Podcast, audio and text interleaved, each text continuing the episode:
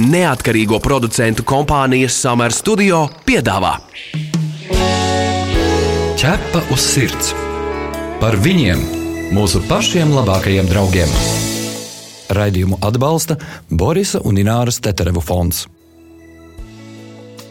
Esiet sveicināti, radio klausītāji! Latvijas radio pirmajā programmā raidījums ķepa uz sirds. Mani sauc Magnus Eriņš. Mani sauc Inese Kreitsberga. Labvakar, labvakar visiem ķepa uz sirds klausītājiem. Nu kā, pavasaris ir klāt, vai ne? Mēs jau to jūtam un redzam un dzirdam, un viss tāds aktīvs paliek un interesants apkārt. Ko tu saki par to, Magnus? Es priecājos. Nu, rebetās sezonalitātes nāk arī ar dažādām ķibelēm mūsu mīluļu dzīvēs. Un, un, un mums ir interesanti, vai tas tiešām ir saistīts ar to, ka pavasaris tuvojas un nāk tikai ar jaunām smaržām un garšām, ja arī nāk ar kaut kādām likstām veselības ziņā. Tāpēc šodien pie mums studijā atbildēt uz dažādiem jautājumiem, kas saistīti ar sezonalitāti, ir ieradies vetārsts Kristaps Reķis. Sveicināts, Kristap! Labvakar! Ķepa uz sirds! Jautā ekspertam. Kristap, uzreiz jautājums, vai mēs vispār varam runāt par kādu sezonalitāti vetārsta darbā? Nu, vai tāda ir, ka cilvēki nāk vairāk vai mazāk, un ar ko tas ir saistīts? Veterinārā ārstiem sezonialitāte tāda pati kā ikvienai radībai - pavasars, rudens, ziema, vasara, un katra šī sezona nes līdzi savus plusus, savus mīnusus. Tiešām ja tu neredzi, kas notiek ārā, tad pēc notikumiem ar dzīvniekiem tu vari spriest, kas notiek ārā. Nu, kas notiek pavasarī? Nu, pavasarī jau pamatā ir uh, riestu problēmas. Riestu laika radītās tēviņkārtas pārstāvjiem ir kaut kādas sakošanās, saplēšanās. Arī sievišķais pārstāvis cieši no agresīvāka tēviņa. Ja ir vairošanās laikā, tad ir um, sabraukti, nobraukti, jo nu, tas pavasara dūlums galvā ir visiem, un tas brīžiem vienkārši neaprēķina attālumus un tādas lietas, cik tālu skriet. Nu, un tad, kad sākās e, pavasara sezonas sākuma, arī makšķerēšanas sezona sākās, un tie tie pirmie āķi, ka vienkārši saimnieks gatavo makšķeri, nolicis stūrī, un klasika ir kaķis, un tad ir suns, kurš nu, šos āķus bieži ierauja plakstiņos, lūpās, ķepā. Pagaidām, paga, tas makšķernieks vicinās ar to nē, nē, nē, vienkārši viņš stāv, viņš vienkārši. Saimnieks ir apzināti nolicis stūrī kā drošā vietā. Un parasti ir trīšu burāķi, trim āķiem, un vienkārši suns garām skrēja, vicinājās, vai kāds gribēja pa pludiņu uzsist. Un, tas āķis ļoti tas ir. Un viņš vienkārši nu, piercings. Runājot par citām lietām pavasarī, kas uh, gadās gan cilvēkiem, piemēram, nu, alerģiskas reakcijas no dažādām lietām, vai dzīvniekiem arī ir alerģiskas reakcijas pavasarī pastiprinātas? O, šo pavasarī ir. Vismaz šo nedēļu man bija divi suņi ar spēcīgi piepampušiem purniem. Nu tā, smuki, bum, nu redz, tur nav variantu, ka kaut ko ir saticis. Ārā vēl nav pietiekoši silts, bet kaut ko ir atraduši. Kas nu, tas varētu būt? Nu, parasti silts saimniekiem, tad, nu, tu ar viņiem nevis konfliktē, bet izdevies dialogu. Viņš, viņš kaut ko apēda. Es tā, ko tieši? Nezinu. Es saku, kāpēc tu teici, ka viņš apēda? Viņam ir kaut kāda čūska, tu redzēji, Nē. Jo veterinārā ārsts, saņemot anamnēs datus par to, ka kaut ko apēda un zina, ko konkrēti, zina kādu antidotu, ko lietot pretīm tam visam. Ja ir kaut kāda čūska, ka tu redzēji, nē. Kā lai es to zinu? Bet eh, šobrīd pavasarī, jā, kukaiņi, kas mostās, ko dzīvnieks vienkārši kam paķer, pieskarās. Purci klasiskā, klasiskā forma, un tūlītās būs vēl siltāks, būs vēl ārā bitītes, visādas zemes vēzīši un šitie mazie, kas ļoti toksiski dzīvniekiem, nu, ar alerģisku reakciju, kas izpaužās kā tūskas sejas apvidū, kakla apvidū. Par smakšana. to mēs parunāsim vēl mazliet vēlāk, ko darīt, ja tāds gadījums ir. Man uzreiz jautājums, cik bieži tu redzi ielaistas kaitas, kādas tās ir, un vai tas notiek saimnieka nezināšanas vai nu, nevērības dēļ?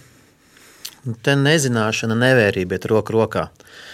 Un tad, kā jau es tev, mēs sarakstījāmies par tām ielaistajām vainām, ja nebūtu ielaisto vainu, veterinārārstam nebūtu darba. Nu, būtu krietni mazāk, būtu tādi profilaktiskie nagu apgriešana, vakcinācijas.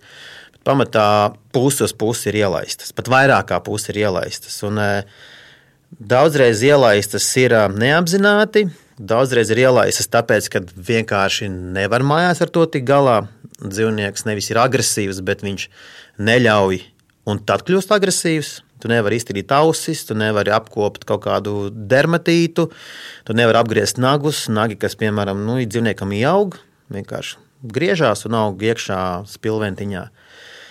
Un, e, daudz saimnieku izvēlējušies šķirnes, kuras viņi neapzināti paņēmuši dēļ tā, ka patīk, bet viņi nesaprot, ko tas prasīs. Un lielākā daļa šķirņu radītas e, ļoti sen atpakaļ, kad nu, bija kad, mēs, kad, kad mūsu senči galmos dzīvoja. Un tad tev bija tev tos sunis atņemētu atnesa, tu viņu papājāji, papriecājās, viņu aiznesa. Un tam visam... Tad daudzi suņi tika radīti, lai frizētos. Jā, laiku, jā, jā, jā, ir darba suņu klase un tad to skaistuma suņu klase. Un, kad cilvēks redz skaistu Yorkshire terjeru, viņš ģīps, ka viņš grib tieši tādu pašu, un tā viņš viņu paņēmis, iegādājies. Viņam nav tieši tāds pats. Viņam, viņš ir noticējušām acīm, nu, tie būtu asaras sakrājušās matos, tad, tad tāds noraudāta sēja, ūsu daļa, lipīga, nokarājusies, kaut kādi daži kaut kur astē.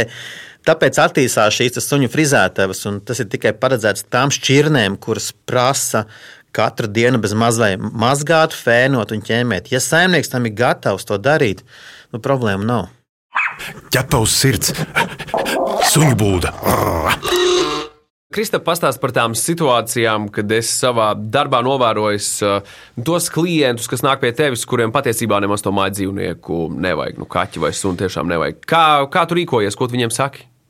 Nedrīkst jau neko viņam teikt. Bet tu redzi, ka tavs, tavs ir, pienākums ir. tomēr ir rūpēties jā. par to, lai dzīvnieks jā, sirds, sirds uh, tajā brīdī nu, nevis žņaudzās, bet tāda. Uh, Ir nevar, nevarības sajūta, dusma, jo tu viņam pateiksi, tad viņš tālāk teiks, Dārts Reķis pateica, šitā viņš ir slikts.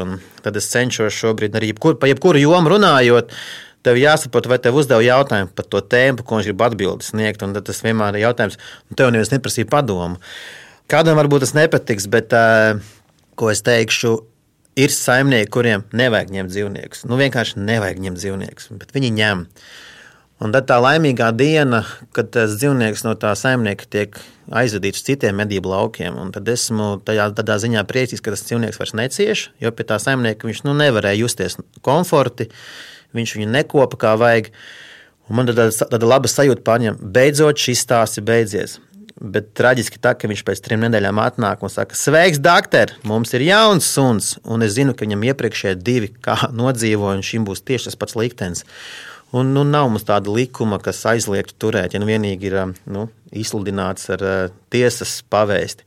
Bet tas, ko tu Magnus prasīji, es cieši klusu. Es nedrīkstu aizrādīt, bet, bet, tie, tu... bet tie, kas klausās, lai zina, ka uh, ne visiem tiešām vajag ņemt dzīvniekus. Bet mēs neesam tādā pārejas periodā, kur tas mājdzīvnieks ir starp tādu māju lopu un ģimenes locekli. Tā kā principā viņš vairs nav māju lops jā, pēc uh, turēšanas noteikumiem, bet viņu arī neatzīst par tādu ģimenes locekli, kurš būtu pelnījis šo dzīvi tā kā nu, pilntiesīgs ģimenes loceklis. Un mēs esam tajā starposmā, kur ir varbūt paudzēm jānomainās. Ne? Man tā ienāca prātā. Tikko. Nu, lēnām mainās. Tad, uh Ļoti bieži sanāk tā, ka kaut, kāds sunim, kāda, piemēram, ņemsim suni, ir bijusi problēma, un tad saimniekam tu izstāsti nu, par kauldošanu. Nu, piemēram, sāēdies kauls, raizcietējums, viss. Bet, zini, mums vecmāmiņa visu mūžu deva kaulus. Un viss bija kārtībā. Jā, bet es viņam pasaku, bet atceries, cik bērnībā nomainījās suņi pie ķēdes. Viņš tā domā, domā, nu, atceros es savu bērnību. Kur ir eksis? Nu, viņu mednieks uz mežu aizveda kur atkal reksis. Nu, jo pamatā rekši mainās. Tur vārds īpaša vārds neviens jauns laukos neizdomā. Tas pašas kaitas bija tie paši aizcietējumi. Nevarēja veikt defekāciju, dzīvniekam iestājās zināmi patoloģiski procesi. Viņš vai nu nomira, vai vienkārši viņš tur nīkuļoja, pasauc mednieku, mednieks tās lietas nokārtoja. Tādas kādreiz notika. Un atkal paņem, un atkal to pašu. Tāpēc saka, mums vecmāma vienmēr deva kaulus. Nu, viņa nezināja, ka kaulus nedrīkst dot. Un... Nu, un arī tas, ka cilvēks, piemēram, 35, 40 gados saka, man visu mūžu ir bijuši suņi. Daudz Jā, un suņi. Kā tas, ir, tagad... kā tas ir iespējams, ja vidusmērā suņa ilgumam dzīves jābūt vismaz 15 gadiem? Nu, ir kas nomaina, saka, nomaina ļoti daudz dzīvnieku. Viņam pat dzīvnieks nesaniec citreiz 3, 5 gadu vecumu, ka viņam jau viņš ir aizgājis, jo tam dzīvniekam tur ir nu, nērti dzīvot. Viņš tur izdzīvo. E, Tie ir sarkanie karogi. Nu, mm -hmm. tā, jā. tādā vecumā, piemēram, 30 plus gados, pateikt, ka tev ir vairāk tur suņi bijuši pa dzīvi, vai ne? Sarkanie karogi. Tam cilvēkam dzīvniekus noteikti nevajadzētu vairāk dot. Tu esi mans draugs, ķepa uz sirds. Mums raidījumā ķepa uz sirds šobrīd noris tievēršanas maratons, Kristap. E, Cik bieži pie tevis ierodas e, klienti, kuriem varbūt arī pašiem, kuriem mājdzīvniekiem ir liekais svars? Biežāk suņi vai kaķi? Abi. Nē, visi trīs. Tomēr ir jāsaistība. tomēr- saprati? Kaķi arī, jā? Ja? Nē, kaķis, suns un saimnieks. Visi trīs. Nu, re, bet te ir interesanti, mēs ar vairākiem vetārstiem. Viņi it kā to korelāciju, to saistību nesaka tādu, ka, ja resns mīlus, tad arī apaļš saimnieks. Bet tomēr ir tam.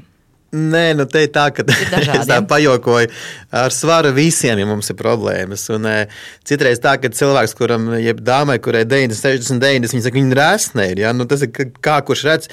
Ir dzīvnieki, kur tiešām es redzu liekais svars. Es pat neaizrādu, jo tas arī nav pieklājīgi. Tu vari aizrādot par svaru, mm, var saimnieku aizvainot, ka viņa dzīvnieks ir korpulents, apēš vai kā nosauksim. Ja man prasa, tad es atbildu, jo esmu pāris, pāris reizes gadījies. Es pateicu, un tad uh, doktors Reķis manu kaķi par estu nosauca. Un, Bet, ja tas ir acīm redzami, Ir, ir, ir. Un, un nevajag, nu, šis teātris, man liekas, tā baigais teātris. Ir. Ja tavs Nu kaķis ir asins, tavs kaķis ir asins. Nosver kaķi vai suni, Nu, pasaka, jā. cik viņam lieka kilogramu, parādi, kur viņam tur tā siksniņa spiež normāli, jā, un, un, un kur ir tie tauki. Un, eh, protams, par svara problēmām šis jums būtu pilnīgi atsevišķs raidījums, jo šobrīd eh, saimnieki sāk apzināties to, ko nozīmē pareizi, atbilstoši sugai. Tieši sugai barot savu mājdzīvnieku. Šķirnē, tu domāji? Nē, nē, nē. sugai ir suns kaķis. Šķirne ir persietis, vācu Nu, jā, bet katrai šķirnē jau ir sava tā Šķi, nē, šķirnes ir, ņemsim kaķi, viņi kaķis un kaķu šķirnes, viņi visi izcēlušies no kaķa. Viņi visi ir gaļēdāji un augsta proteīna un, un, un, un ļoti kvalitatīvs gaļas ēdāji. Suns kā suga ir šķirnes, Yorkshire terjeras vācu aita. Ļoti uh, radikāli izm liela izmēra, bet viņiem sensis ir vilks. Viņi nāk no vienas, uh, vienas tās sēkliņas, un viņi ir nosacīti gaļēdāji, maitēdāji, visēdāji. Un to, ko ēd kaķis, eh, kaķis ēd īsi, doma zīme. Kaķis ēd restorānā, suns ēd ieskrietuvēs. Tā. Un Šam visam pārstāv sausā barība, bet tas ir cits stāsts. Tā kā te vajadzētu īstenībā, eh, negribu reklamēt, bet šī lauciņā man ļoti labi pārstāv viņu mana sieva veterināra ārste Inga Reķa. Mēs, mēs to barību, lai nereklamētu, saucam par komerces barību. Jā, jo šobrīd, ah, un atbildot uz Magnusu par esnumu, paldies komercbarībām. Nu, sorry, tā tas ir. Tā ir maize, maize, graudi, graudi. Un šobrīd saimnieki ļoti spēcīgi sāk domāt par to svaigēšanu, jo dabā viņš ēd dzīvnieks ēd svaigi, viņš ir mednieks. Viņš eh, nesēž eh, vilks, piemēram, Labradors nesēž eh, lauka malā un nepļauj kukurūzu, jo viņš gatavojās graudus ēst. Nu, viņš reāli ir vilks, mednieks. Bet ar ko tu pārsvarā pārbaro tos savus mīluļus? Ar to, ka cienā to siera gabaliņu? Nu, Ar bet- visu pēc kārtas. Ar visu pēc kārtas, jo dzīvnieks ļoti iemācās manipulēt cilvēku. Ir jābūt šausmīgiem dzelzceļa nerviem, pabarot. Tas tāpat kā cilvēkam. Viņš paida un atkal uz virtuvi patver vaļā, palūra leduskapī. Labi, ka viņš aizvēra, bet viņš paņēma mazu kumosiņu. Un tad viņš iet pie treneru, bet es jau ēdu pareizi. Bet tu knaksējies pa stūriem. Dzīvniekam arī ir vienkārši tā uh, svara kontrole cietsirdīga. Un tas dzīvnieks uztaisās savas bēdīgās aciņas, un viņam iedod. Un tam Labradoras šķirnes suņi. Viņi mūžīgi ir badā. Viņus neviens nemīl, viņus neviens nebaro. Viņš kā atnāk pie veterināra ārsta, viņš saka, klau, ieber kaut ko. Vispār es tik cietsirdīgā ģimenē dzīvoju. Tas ir Labradors. Viņš, viņš prēdienu pārdosies. Un ir šķirnes, kuras vienkārši ir ēdāji. Atgādinām, ka pie mums šodien studijā ir veterinārārs Kristaps Reķis, un mēs runājam par to, kā saimnieks var savam mīlulim sniegt pirmo palīdzību un kādas ir aktuālās problēmas pavasarī. Šo radio pārraidi, protams, varēsiet dzirdēt arī podkāstu formā populārākajās straumēšanas vietnēs, kā arī Latvijas radio mājaslapā, arhīvs sadaļā. Ķepa uz sirds skaidro faktus. Kristap, runājot par pirmo palīdzību, vai saimnieks var savam sunim vai kaķim sniegt pirmo palīdzību, nu, kamēr tiek līdz vetārstam pastāst, vai tu esi eh, saskāries ar šādām situācijām un eh, jā, kā rīkoties? Šie ir vispaniskākie zvani, ko tu kā vetārs saņem. Jo um, zvans, piemēram, suns sagriezis kāju un ir asiņošana.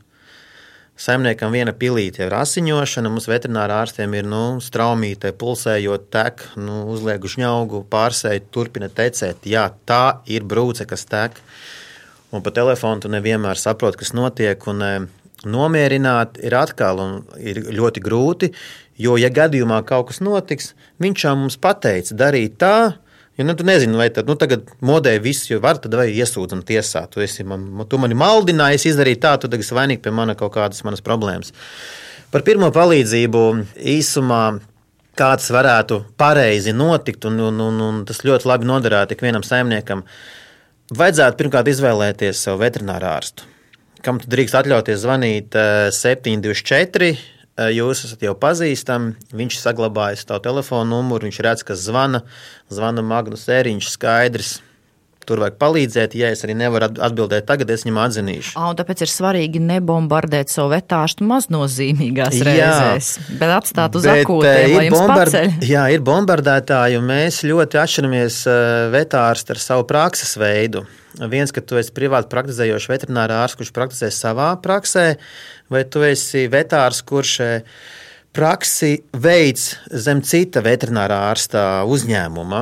Un tu, tevi tur tā varbūt nevar dabūt ātri pa telefonu rokā. Bet, ja es stāstu par savu praksi, tad uh, maniem klientiem ir uh, mani numuri, Ja es to dzīvnieku jau pāris reizes strādāju, tad eh, man jau ir saglabāts, kā piemēram Magnus Eriņš. Viņš man zvana, vai es viņam atzīšu, kas pa lietu būs. Tad es to cilvēku jau pazīstu. Es zinu, cik viņš ir liels panikotājs, vai viņš nav panikotājs. Es zinu, ko viņš var tam sunim izdarīt, vai tam kaķim vai nevar izdarīt. Nu, tā pirmā palīdzība ir eh, numur viens - atrast sev eh, uzticamu veterināru ārstu, kuram tu vari piezvanīt, kad noticis šis īks stundas brīdis.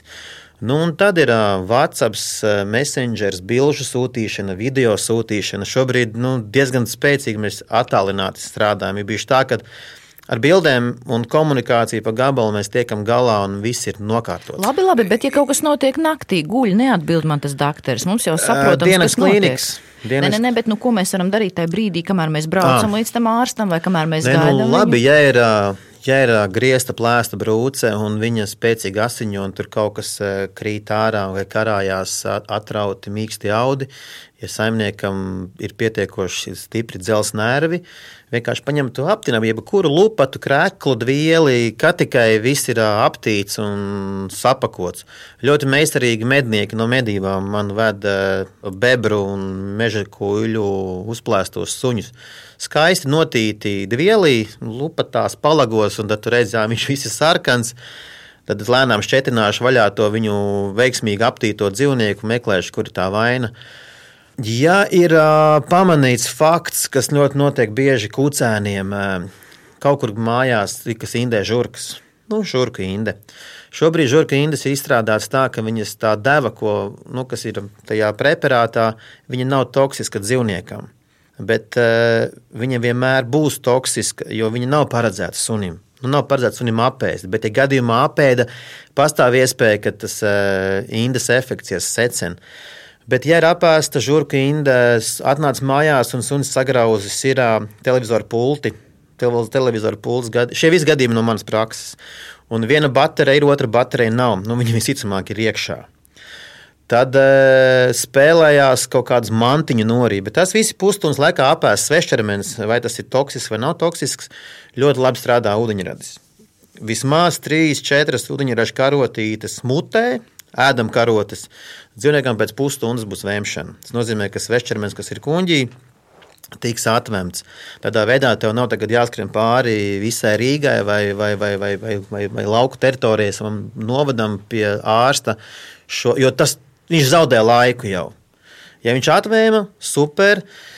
Turpinam novērot, ja ir slikti, mēs braucam uz klīniku, kurā ir rentgens, un mēs varam vienkārši apskatīties, vai tas priekšmets, kuru redz rengenā, nu, jo ir priekšmeti, kurus, kam rentgens stars iet cauri, vai viņš ir vai viņš nav kuģī. Mājās mums ir uh, sava aptieciņa. Savam mājas dzīvniekam arī vajadzētu izveidot aptieciņu. Kristap, kam tur jābūt iekšā? Nu, obligāti tur vajadzētu būt uh, ūdeņradim. Nevis kā brūču apstrādes līdzeklim, bet šai gadījumā vēmšanas izraisīšanai. Arī kaķiem var Jā, dot. jā, jā ļoti smuki atvemj un visi laukā. Marlas pārsējas, tas nozīmē, ka viņi, nu, šobrīd šie preparāti dala abas aptieciņas, gan cilvēka, gan dzīvnieku. Nu, ja ir uh, Hronisks dermatītu suns, kam ir nepieciešams, piemēram, antibiotiku lietošanas un otīti, ausu ieka, suņa ar ausu iekaisumiem, hroniskiem, kam tad viņš itē, viņš nav. Tā kaut kāda antibiotika vienmēr mājās ir aizķērusies jau no iepriekšējās ārstēšanas. Bet eh, no zāļu līdzekļiem nekas nav kopīgs dzīvniekam ar cilvēku. Izņemot kādu antibiotiku, bet visi ibumetīni un tā uz augšu, kas ir ā, pretiekaisuma līdzekļi cilvēkiem, lūdzu, nē, ir bijuši tā, ka ir jau klibumi ārstēti ar šiem humāniem preparātiem. Un atbrauc pie tevis ārstēt klibumu, kur tur jau sunim ir aknas ir nobeigtas, ka mums jau var beigties visbēdīgi. Ekspertu padomi, aktuāla informācija, konkursi, laimīgi stāsti un priecīgas sastapšanās jau 12. gadu Latvijas televīzijas ēterā. Skatieties ķepa uz sirds sestdienās, 11.15. LTV1. Kristap, kaķi un uh, pavasaris, vasara, atvērti logi. Tā ir liela problēma. Cilvēki joprojām šķiet nav iemācījušies, ka kaķi nedrīkst atstāt pie atvērta loga uh, vienu pašu. Pastāst par uh, traumām, kas var rasties kaķiem šādos gadījumos. Nu, tā ir tā klasiskā lieta, kad uh, vasarā atvērtie logi veidināšanas režīmā. Kas to dzīvnieku mudināja šajā gadījumā kaķi nokļūt tajā atvērtajā logas spraugā, vai viņš mēģināja saprast, kas ir aiz loga, vai viņš kādu mušu ķēra, vai viņš kā tauriņu ķēra, vai putns. Lai vienalga, cik karsta būtu māja, nu, neatstājiet vaļā slīpumā. Man būs grūti radio studijā izstāstīt, bet ir mājas, kurām ir ļoti dziļas logu ailes, tās atļauj to izdarīt. Tas būtu tā, ja atvērtais lokus iznāk ārpus sienas, tu nedrīkst atstāt vaļā ar logu veidināšanas režīmā. Vai pareizi saprotu, ka kaķim nav bail no augstuma, un ja viņš vienreiz ir izkritis, viņš arī vēlreiz var izkrist? Nu, cilvēki dažkārt saka, viņš jau vienreiz ir izkritis, nekas nenotiks. Ziniet, kā es neesmu dzīvnieku psihologs, bet es domāju, ka dzīvnieks vispār nesaprot, kas ir augstums.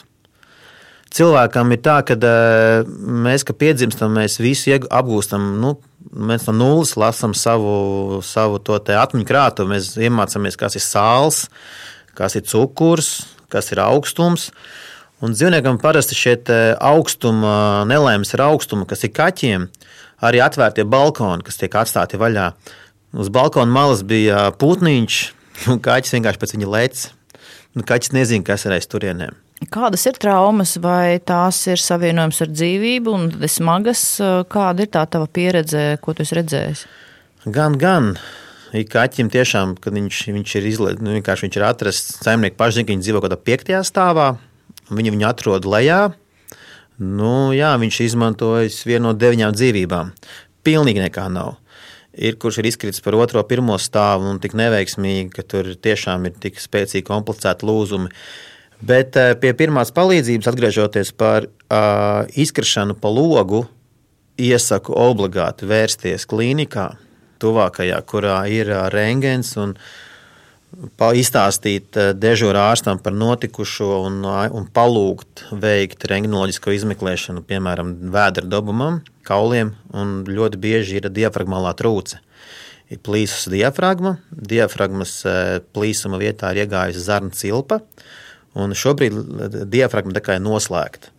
Var gadīties, ka otrajā, trešajā dienā kaķis normāli jūtās, dzīvo pa māju. Tad tā zarna izslīdē no diafragmālās trūces vārtiem, un dzīvnieks vienkārši pēkšņi ir beigts. Likās, viss bija kārtībā. Šī pie pirmās palīdzības, kad, ja, tevs, ja tu dzīvo kaut kādā nu, augstākā par otro stāvu, nu, aizbrauc uz klīniku, pārbaudi, labāk uztaisīt lieku vizīti, arī par iesprūšanu logā. Tu nezini, cik viņš tur ilgi bijis. Ar momentā griezties pēc palīdzības, nevis izņēma ārā, viņš kā staigāja. Labāk ir uzsākt savlaicīgu terapiju, jo bieži kaķi zaudē pakaļkājas, un kaķis bez pakaļkājām tie ir citi medību lauki. Parunāsim par to, kāpēc ir tik svarīgi uzsvērt, ka nedrīkst vilcināties ar došanos pie vetārsta, ja ir pasliktinājusies veselība mīlulim. Jo cilvēks, mēs varam paciest sāpes vai vainas, nu, reizēm dienu, reizēm vairākas nedēļas. Kāpēc, Kristap, tas nav pieļaujams mīlulim?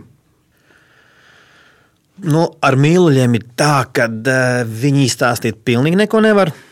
Viņi var pastāstīt ar uh, savu izpausmi, atteikties ēst, atteikties dzert, atteikties staigāt, atteikties iet uz toleti vai uh, nu, pilnīgā nevēlēšanās dzīvot, nu, dzīvnieks iet depresijā. Es teiktu, viena diena. Viena diena ir tas, kad var justies sliktāk, un tu redzi, vai viņš atgriežas ierastajā dzīves ritmā.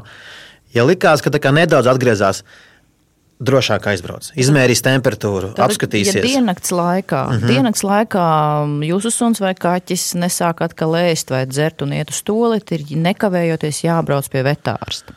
Jā, un pēdējā nedēļā bija kaķis, kam bija ar urinēšanu problēmas. Un pēc diagnozes, pēc asins analīzēm un pēc uh, izmeklējumiem konstatējām, ka viņam ir nieru mazspēja. Bet viņam nieru mazspēja sākās nevis primāri, bet sekundāri. Pirmais bija, kad saimniece domājusi, ka kaķis viņai riebj un čurā pa stūriem. Kaķim bija cistīts. Kaķim bija sāpīga urinēšana, viņš nevarēja, viņš iet kastē, viņš urinē, viņam sāp. Viņam liekas, ka tas stūris viņam rada sāpes, iešu pačurā citā stūrī. Tā stūrī arī man sāp, eju uz spilvena pačurā, no tur arī man sāp. Un viņš tā bija mēnesi. Un tas cistīts bija, izrais, bija iekaisums urīna pūšļi, un tas bakteriālā infekcija celās uz augšu, gāja uz nierēm. Nu, citi medību lauki. Nu, varbūt tās nu, šīs mazās nianses, ko nepamanā. O, viņš man ieriebi. Nu, paskaties, viņš to divas dienas riebi. Nu, kaķis ir riebi vienreiz, un tu pats zini, ka tu viņu sabāri. Nu, it kā jau vispār pat kaķis neriebj. Vispār it kā nu, tā saka, ka neriebj. Nu, viņš naktī vienkārši sēdēs un skatīsies jā, uz tevi. Tas jā, būs tas, kā viņš visticamāk atriepsies bet, nobiedējot. Vai? Bet uz jūsu jautājumu nu, 24 stundas un, un tad ņemot vērā, cik daudz cilvēku šobrīd klausās šo raidījumu, varbūt tev ir tāds kaut kas sakāms, ko tu vienmēr esi gribējis pateikt, lai cilvēki zina. Varbūt tev kā vetārstam vienmēr gribās to, lai cilvēki zina un atcerās, un tagad tu vari pateikt. Mans aicinājums ir ļoti vienkārši atrodiet sev mīļu, tuvu veterināru ārstu, ar kuru jūs varat komunicēt, satikties, sazvanīties 724 un ar kuru jūs varat būt godīgs un izstāstīt visus noslēpumus par savu dzīvnieku. Jo daudzreiz vizītēs arī kautrējās kaut ko teikt. Un liekas, ka mēs vizītē viņš ir izstāstījis visu, bet viņš nav pateicis, viņam licies ir tik mazsvarīgs punkts, kas īstenībā man ir pats pats galvenais. Un viss iepriekšējais, ko viņš teica, man nedara. Un šīs maziņais bija tas, kas ir pie vainas attiecīgajai saslimšanai. Tāpēc vizītēs citreiz stāstiet visu. Mēs esam iemācīti klausīties. Lūk, paldies uh, vetārstam Kristapam Reķim par uh, viesošanos ķepos sirds šeit Latvijas radio pirmajā programmā. Jā, paldies Kristapam. Nu, ko mēs varam secināt īstenībā, ka nu, tā sadarbība ar vetārstu tur visu laiku nepieciešama. Mums dzīvnieku saimniekiem patiesībā katrs mēnesis, kas ir pavadīts, nodzīvots bez vetārsta piesaistes, ir liela dā dāvana. Tā kā jācenšas, lai savs vetārs būtu, bet mēs pēc iespējas retāk viņu traucētu, vai ne? Tieši tā. Visur kopā - ķepus sirds. Atgādinām, ka ķepa uz sirds TV raidījums redzams sestdienās, 11.15 un atkārtojumā svētdienās pēcpusdienā LTV1. Mēs arī gaidām jūsu jautājumus, ierosinājumus un arī idejas sižetiem. Rakstiet mums uz info atķepa uz sirds.lv. Bet šajā raidījumā tas ir arī viss. Mani sauc Inese Kreitsberga. Mani sauc Magnus Eriņš. Raidījumu veido neatkarīgo producentu kompānija Summer Studio. Visu labu! Atā! Ķepa uz sirds! Informatīvi izglītojoši raidījums par dzīvnieku pasauli un cilvēkiem tajā. Raidījumu atbalsta Borisa un Ināras Teterevu fonds.